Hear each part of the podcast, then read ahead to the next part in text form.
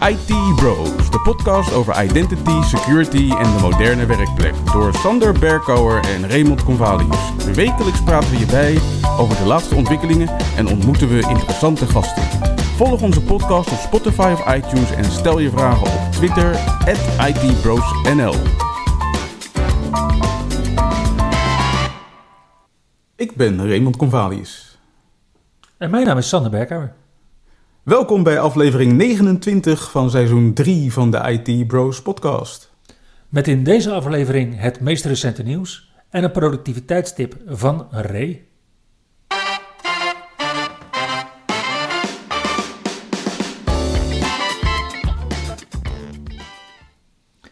Hey Ray, stel dat we luisteraars hebben met feedback. Ja. Dan verwijzen we ze nu naar Twitter. Ja. Maar het is nu natuurlijk eh, X, voorheen bekend als Twitter. Ja. Hmm. Ik denk dat ik binnenkort eh, weer eens een keer de studio in moet gaan duiken en een nieuwe jingle moet gaan opnemen. Ja, of om iemand te laten opnemen. Kan ook nog. Hmm. Hmm. Thinking about it. Ja, maar wees gerust, wij zijn uiteraard ook te vinden op X. Beste luisteraars. Juist. Inmiddels is het eh, de tweede dinsdag van eh, augustus geweest. En dat betekent dat eh Patch Tuesday weer is gepasseerd. Hè? Ja, Microsoft heeft weer allerlei kwetsbaarheden in Microsoft producten opgelost. En dat betekent dat we 87 pleisters mogen plakken. En dat zijn, zoals je van ons gewend bent, doen we ze altijd slicen en dicen, Mike. Ehm, Mhm. Waarbij we van die 87 kwetsbaarheden zien dat er zes kritieke kwetsbaarheden waren. 66 belangrijke, oftewel important. 3 moderate, dus meh. En 12, ja, waar Microsoft eigenlijk ook niet weet hoe ze het moeten inschakelen. ja, dat kan ik me helemaal voorstellen. Kijk, een van de producten waar ze nu bijvoorbeeld een kwetsbaarheid hebben opgelost is Mariner. Dat is de specifieke Linux-distributie van Microsoft. Ja, dat daar een unknown is, dat, dat snap ik wel. Ja, ja. Snap ik ook. Ondertussen waren er wel twee zero-day kwetsbaarheden. Dus kwetsbaarheden die inmiddels al worden misbruikt in het wild. Ja. Eén daarvan gaat over Microsoft Office Defense in Depth. En die is ook al publiek beschikbaar. En die andere gaat over .NET en Visual Studio en betreft een denial of service kwetsbaarheid. Ja, terwijl je net je programmeurs in jouw agile proces lekker op stoom had gebracht met fantastische velocity, kunnen ze ineens hun Visual Studio niet meer gebruiken. Inderdaad. Ja, dat is wel een, eh, dat is wel een belangrijke.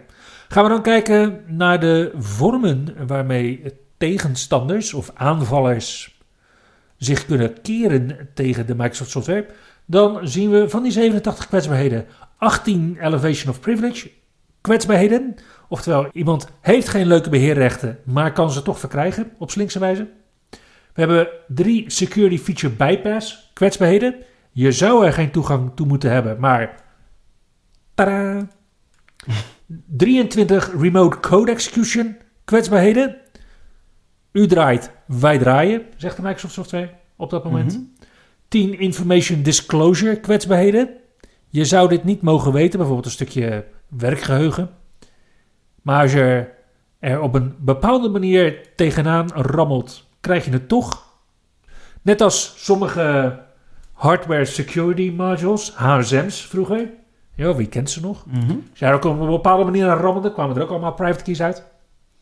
8 denial of service kwetsbaarheden, ook wel de tegenstander van elke vorm van productiviteit. En 12 spoofing kwetsbaarheden. Oftewel, je kunt je voordoen als iets of iemand anders.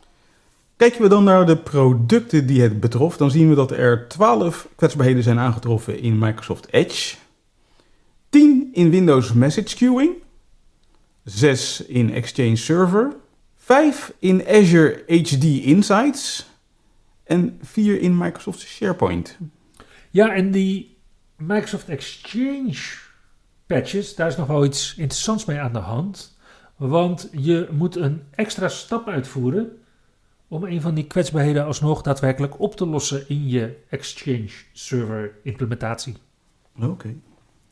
En mocht jij al een tijd lang last hebben van het kwaaltje in Windows met betrekking tot DirectX op Intel hardware met Intel drivers, dan is het heel erg goed om te weten dat die negen maanden durende periode waarin je daar last van hebt, met deze updates ten einde komt. Ja, en ondertussen is Microsoft nog steeds eh, druk aan het bouwen aan Windows 11. En dat hebben we geweten deze week, want er waren maar liefst zes nieuwe insider builds aan te treffen op de Windows Insiders webpagina. Het ging daarbij weliswaar uh, drie keer over release previews, dus ja, updates die er alvast zijn, zodat we bij de volgende update uh, voorbereid kunnen zijn. De ene gaat over Windows 10, de nieuwe release preview. Uh, daar gaat er eentje over Windows 11 en dan Windows 11 uit de originele release. Oftewel de 22.000 builds. Ja. En er is een release preview geweest voor de 22H2 en 23H2 releases. Dat is één build met, met nummers 22.621 en 22.631. Daar zat, ja, niet heel schokkend nieuws in. Het schokkende nieuws was eigenlijk te vinden in de Dev Channel build. En dat was build nummer 23521 van 10 augustus. Want daarin heeft het team van onze vriend van de show, Christian Brinkhoff... Christian, yep. Het Windows 365 team. Die hebben namelijk Windows 365 Switch uitgebracht. Nou, daar ga ik zo meteen nog iets meer over vertellen. Maar dat is denk ik een van de belangrijkste nieuwe features van deze Developer Channel build. Verder zie je dat Microsoft van plan is om Copilot mm, enigszins agressief te gaan pushen richting de eindgebruikers. Want vanaf nu is Copilot default enabled voor iedereen die inlogt met een Entra ID, voorheen bekend als Azure AD of Work or School account. En daarvoor hoef je dus niks aan te passen in group policies. Alleen even de laatste insiderbeeld 23.521 of hoger installeren. Inderdaad.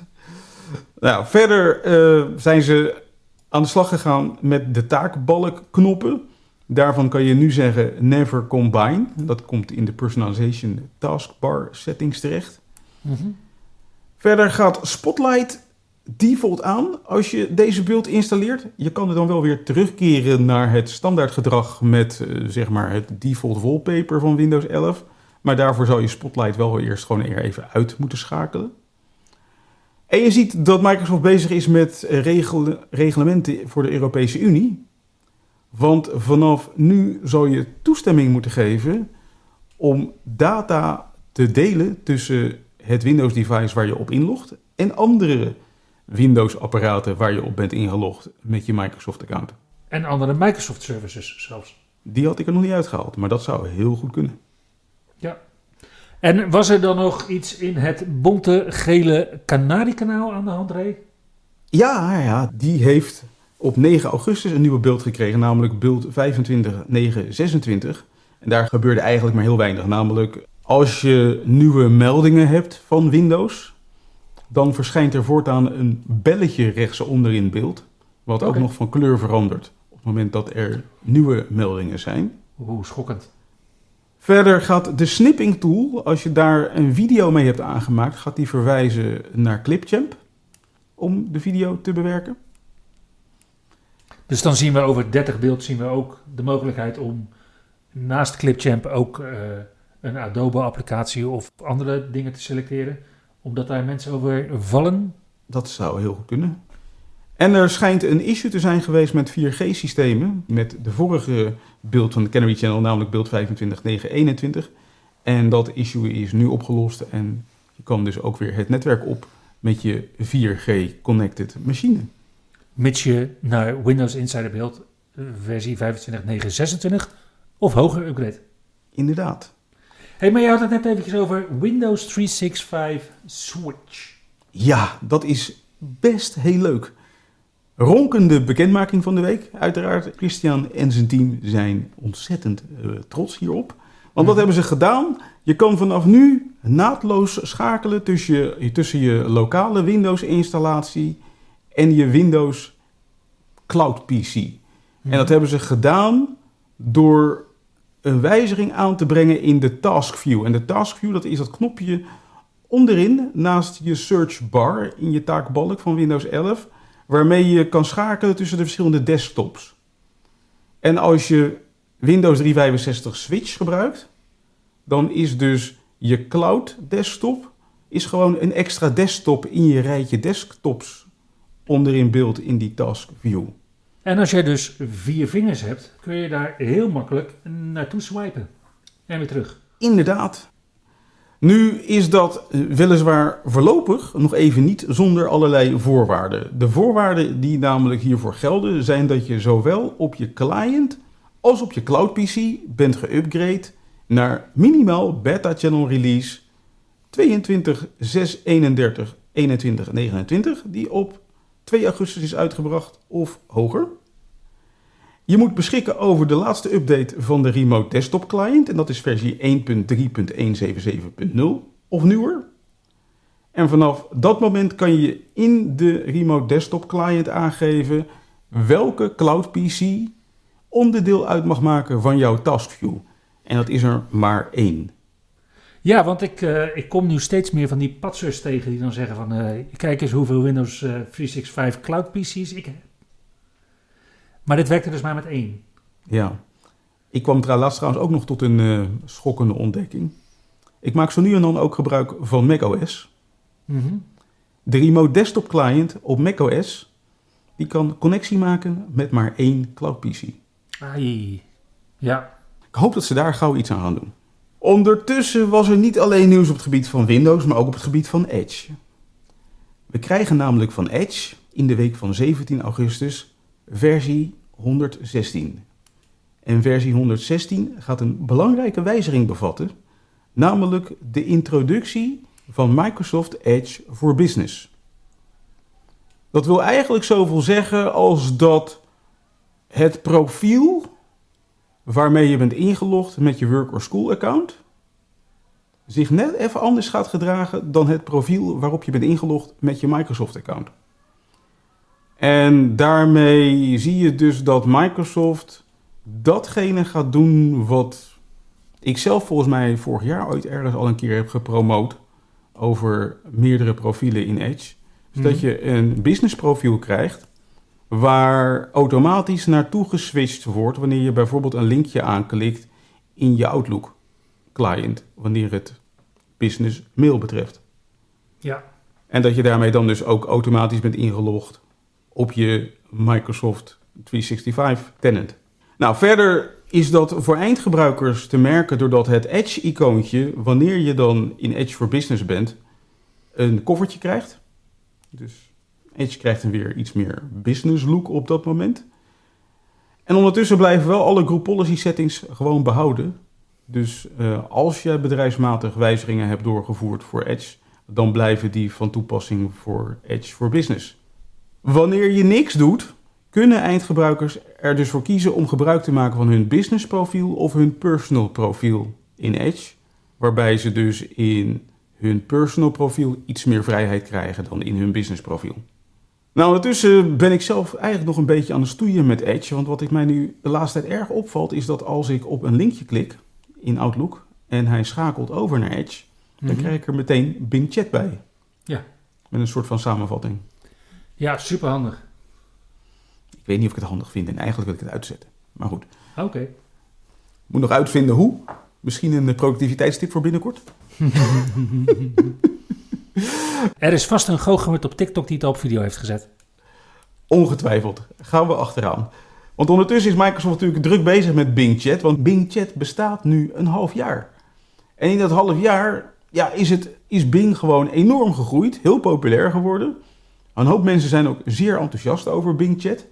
En waar Microsoft nu mee bezig is, is om te zorgen dat Bing Chat het niet alleen doet in Edge, maar ook in andere browsers. Dus sinds de afgelopen maand zie je dat Bing Chat is opgedoken op de desktop voor sommige gebruikers op Chrome en Safari. Mhm. En dat dat binnenkort ook gaat gebeuren voor de mobiele clients. die niet Edge zijn. Dus ook op je Android en iOS devices ga je binnenkort binnen je browser beschikking krijgen over Bing Chat.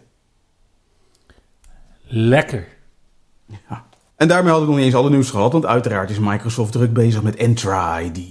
Ja, de altijd hippe, niet langer genoemde Active Directory producten in de cloud. Entra ID. En wat we zien zijn twee wijzigingen in Entra ID de afgelopen week. En het eerste is Conditional Access for Protected Actions. En deze functionaliteit is nu generally available. En wat je hiermee kunt doen is extra eisen stellen. Bijvoorbeeld phishing resistant multifactor authentication. Of een compliant device of een trusted location. Voor specifieke acties. En dat zijn dan dus die protected actions. En dan hebben we het dus bijvoorbeeld over het bewerken van conditional access beleidsregels.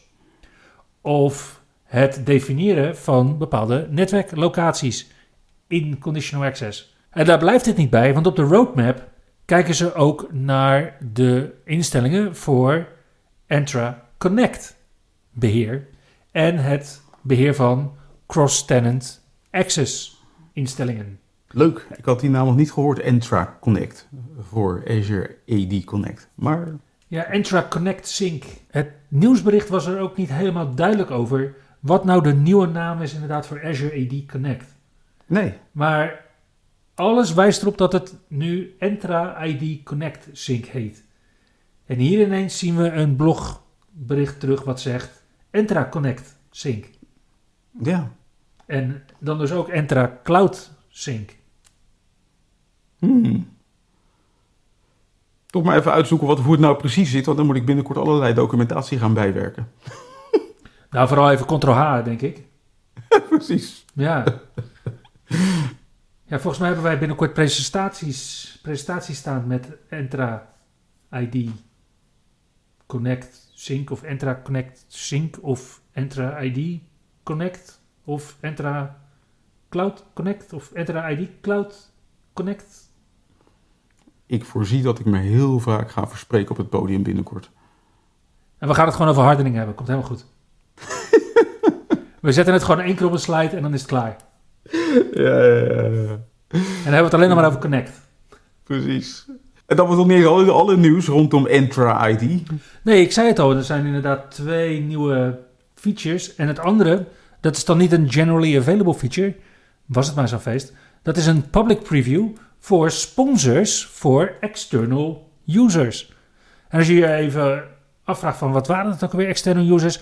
Nou ja, dat ken je het beste denk ik als een B2B user of een guest user. Maar de hele flow, die sinds vorige week dus opnieuw gedefinieerd is, heeft het over external users. Want de hele functionaliteit gaat natuurlijk van B2B en B2C allemaal naar external users toe. Of Entra external IDs waarschijnlijk. I guess so. Yep. En wat je daar nu ziet is dat daar een extra veld aan toegevoegd is aan die gastgebruikers objecten in jouw Entra ID tenant. Die weet ik trouwens wel zeker, het is Entra ID tenant. Mhm. En die external users, die kunnen dus nu sponsors hebben. En de persoon die een gast uitnodigt in jouw tenant, mits jij die instellingen zo hebt staan natuurlijk. Dus het kan best wel zijn dat dat alleen met de guest inviter rol kan binnen jouw Entra ID tenant. Dan wordt die automatisch aan dat sponsorveld toegevoegd. Maar in de nieuwe flow als beheerder om een external user te maken, heb je nu ook gewoon een linkje dat zegt plus sponsor. Nice. Ja, en als je je nou afvraagt van nou, heeft Microsoft dit nou goed bedacht? Kan ik je geruststellen, want ook het sponsorveld is een multilink value. En dat betekent dat je meerdere sponsors kunt hebben. Oké. Eh, leuke feature. Ik denk dat er genoeg organisaties zijn die best blij zullen zijn met deze feature. Omdat, ja, tot nu toe zaten ze regelmatig opgezadeld met external users. Waarvan men niet meer weet wie ze ooit heeft uitgenodigd. Of ze nog actief zijn. Of ze überhaupt ooit actief zijn geweest. En onder welke voorwaarden die external user er weer kan worden afgevoerd. En als je dan in ieder geval een verantwoordelijke kan aanwijzen binnen je organisatie voor die external user, dan weet je bij wie je te raden moet gaan van of dit nog van toepassing is of niet. Ja, want jij hebt in jouw Active Directory en in je certificate services en in je group policies en in je user rights assignments kom jij natuurlijk helemaal nooit access control entries tegen als S-1, 5, 21, min... Ga zo maar door. Want dat is het eigenlijk. Onder water is het natuurlijk gewoon een object ID. Ja, En als dat object er niet meer is, ja, weet je, eh, veel succes met rammelen aan de deur van een persoon die al is opgestapt. Is denk ik één. Dus vandaar dat het handig is om meerdere sponsors te hebben. Aan de andere kant, wat je ziet, is dat dit nu wordt toegevoegd in de public preview. En ik denk dat dat heel erg goed is. Want dat betekent dat tegen de tijd dat deze feature hoogstwaarschijnlijk generally available is, dus publiek beschikbaar wordt, dat er al heel wat sponsors in jouw Entra ID tenant zijn terug te vinden. Want het is natuurlijk een nieuw veld. En dat veld wordt alleen maar gevuld vanaf het moment dat het veld beschikbaar is. Dus al die oude guests, sorry, dus van al die oude B2B gastgebruikers weten we niks. Nee.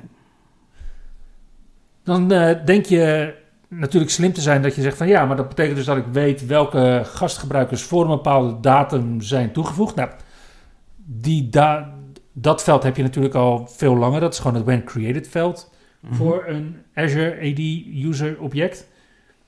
Maar ook bijvoorbeeld de redemption status, die ook alweer een tijdje geleden is toegevoegd aan gastgebruikers. Ja, daar zie je ook dat dat veld nog steeds niet consequent gevuld wordt binnen tenants. En dat betekent dat als jouw organisatie niet een duidelijk beleid heeft rondom het afvoeren van inactieve gastgebruikers, op basis van datumuitnodiging, op basis van last sign-in, op basis van nou, allemaal dat soort dingen waarbij je best wel een goed beleid kunt schrijven, inmiddels, wat je technisch dus ook hard kunt maken, inmiddels. Ja, dat je aan dit veld misschien nog steeds niet zo heel veel hebt. Ja, nou ja, goed, je zal een moment moeten gaan plannen ergens in de toekomst om gewoon je oude zutten op te ruimen. Denk ik. Ja, en voor scholen is dat makkelijk, want dat moment komt er binnen nu en een paar weken aan. dus die kunnen dat inderdaad, eh, denk ik, vrij eenvoudig doen. Maar voor andere organisaties blijft dat, net als met enterprise applications en met application registrations, ja, toch een hoop ondoorzichtigheid houden. Ja. Maar er glooit licht aan het eind van de tunnel. Inderdaad. Nou, wat tegenwoordig wat minder ondoorzichtig is, is eh, de release van de nieuwe iPhone-generatie. Langzaamaan begint duidelijk te worden dat er uiteraard een nieuwe iPhone-release aan zit te komen, namelijk de iPhone 15. Ja. En sinds afgelopen week is ook duidelijk wanneer we een en ander mogen gaan verwachten. Zo wordt er verwacht dat op 12 of 13 september er een evenement aan gaat komen van Apple. Waarop ze bekend gaan maken dat er een iPhone 15 aankomt en wat de features zullen zijn. Nou, uiteraard, ook dit jaar is er langzaam wel wat uitgelekt over de nieuwe features van de iPhone 15. En zo mogen we waarschijnlijk rekenen op de komst van een nieuwe connector op de iPhone 15, namelijk USB-C in plaats van de Apple Lightning connector. Mhm. Verder schijnt het dat de gewone iPhone, dus niet de iPhone 15 Pro, maar de iPhone 15, gaat beschikken over een Dynamic Island. Wat Ja. tot nu toe alleen was voorbehouden aan de Pro-versies. Klopt. En de Pro-versie die krijgt wat heet een smallere bezel. Dus hij, wordt, hij krijgt smallere randjes aan de zijkanten, waardoor het toestel iets kleiner kan worden bij een gelijke grootte van het beeldscherm. En het toestel schijnt te worden voorzien van een titanium frame. En dat geldt dan voor de Pro-versie. Uiteraard zijn hiervoor nog geen prijzen bekend. En er, oh ja, er schijnt trouwens ook nog iets bekend te zijn over de CPU van deze iPhone 15 en dus de iPhone 15 gewoon schijnt te worden voorzien van de A16-chip die nu in de iPhone 14 zit. En de iPhone 15 Pro schijnt een snellere chip te krijgen, waarvan we nog niet weten hoe die gaat heten. Maar we kunnen een gok wagen wat de naam gaat worden. M3? In ieder geval, op 12 of 13 september gaan we horen hoe die eruit ziet. Op 15 september kunnen we hem gaan bestellen. En vanaf 22 september zullen ze naar alle waarschijnlijkheid uitgeleverd gaan worden. Ja, want het is echt een grote stap. Eh, Apple heeft natuurlijk een heel ecosysteem rondom die Lightning connector opgezet. Mhm. Als wij overnachten in een hotel in de VS hebben we altijd een wekker met een Lightning connector waar je dan je telefoon op kan zetten. Mhm. Maar als dat allemaal USB wordt, zie je dat dat hele ecosysteem dus gaat veranderen. Mits Apple niet bepaalde nieuwe functionaliteit ook aan die USB-C stekker gaat toevoegen. Waardoor die slimmere dingen kan in combinatie met bepaalde hardware. Wat bijvoorbeeld een Android-telefoon dan weer niet kan. En ja, dat zou niet vreemd zijn met een nieuwe USB-standaard. Want ja, eigenlijk zien we dat bij elke nieuwe USB-standaard die is geïntroduceerd. Ja, ja, er gaan wat dat betreft nog wel interessante geruchten. Zo schijnt de iPhone 15 Pro een eh, Thunderbolt-connectie te gaan krijgen, waardoor je hem dus ook kan gebruiken om een beeldscherm aan te sluiten. Dat soort dingen. Maar, Ja, dat, dat beeldscherm van 10.000 euro waarschijnlijk. ja, precies. Met die aparte voet van nog eens 1000 euro. Dat scherm. Maar dan ook waarschijnlijk alleen dat scherm. Waarschijnlijk wel. Ja. Maar we gaan het zien. Wat ik heb gedaan is dat ik heb gestandardiseerd op de Lightning poort. Mhm. Dus ik heb voor mijn telefoon, voor mijn AirPods, voor een hele hoop dingen heb ik een apparaat wat als input een Lightning aansluiting heeft. Ik heb zelfs een powerbank met als input de Lightning aansluiting. Dan hoef ik namelijk maar één kabel mee te nemen. En een aparte kabel natuurlijk voor mijn Apple Watch. En dat wordt dan dus allemaal nu dadelijk USB-C. En zo blijven we bezig. Ja, nou ja, goed. Ik heb al een hele tijd een iPad 2021, meen ik. En die heeft gewoon Mhm. een USB-C connector. Ja. Ja, je ziet de wijziging al van verre aankomen.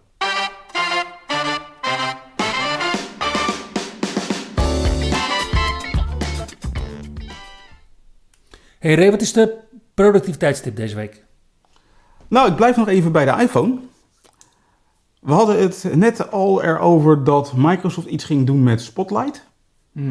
in de laatste Dev Channel Insider Build. En eigenlijk blijkt de iPhone ook al een tijdje over zoiets te beschikken. Alleen was ik me daar niet helemaal van bewust. Namelijk, je kan je wallpaper, dus dat is je achtergrond van je inlogscherm en van het scherm waarop je werkt, van je iPhone, kan je ook een constant wijzigende fotoserie laten hebben. En dan kan je kiezen tussen zoiets als Spotlight, dat zijn de zogenaamde featured foto's, of natuurfoto's, of stadsfotografie. Maar je kan daar ook kiezen om foto's van bepaalde personen uit jouw omgeving te laten verschijnen als wallpaper. En dat kan je doen door van in de settings te gaan, vervolgens voor wallpaper te kiezen. En dan vervolgens add new wallpaper. En als je dan gaat scrollen, dan zit daar een optie die heet Photoshuffle. En in Photoshuffle, daar kan je dus vervolgens kiezen wat je wil hebben. En daar kan je dus bijvoorbeeld kiezen voor people, als je bepaalde mensen wil zien. Maar je kan daar dus ook kiezen voor nature of cities om bepaalde type fotografie iedere keer te laten zien. En dat iedere keer kan je dus ook nog aangeven hoe vaak dat is. Door de shuffle frequency aan te passen. En zo kan je dan bijvoorbeeld zorgen dat er ieder uur een nieuwe foto verschijnt op je iPhone. En dat lijkt dus heel erg op wat we gewend zijn nu van Windows. En dat zit ook gewoon in de iPhone. En eigenlijk wist ik dat helemaal niet. Dus ik ga het eh, maar eens heel snel uitproberen. Ja, want dan blijft je iPhone toch een beetje fris aanvoelen. Voordat ik overga naar de nieuwe iPhone 15. En daarmee komen we aan het eind van deze aflevering van de IT Bros podcast. Dankjewel voor het luisteren. En tot de volgende keer. Je luisterde naar IT Bros, de wekelijkse podcast over identity, security en de moderne werkplek. Abonneer je op Spotify, iTunes of Google Podcast als je de volgende aflevering niet wilt missen. Heb je hints of tips? Laat dan van je horen op Twitter. @itbrosnl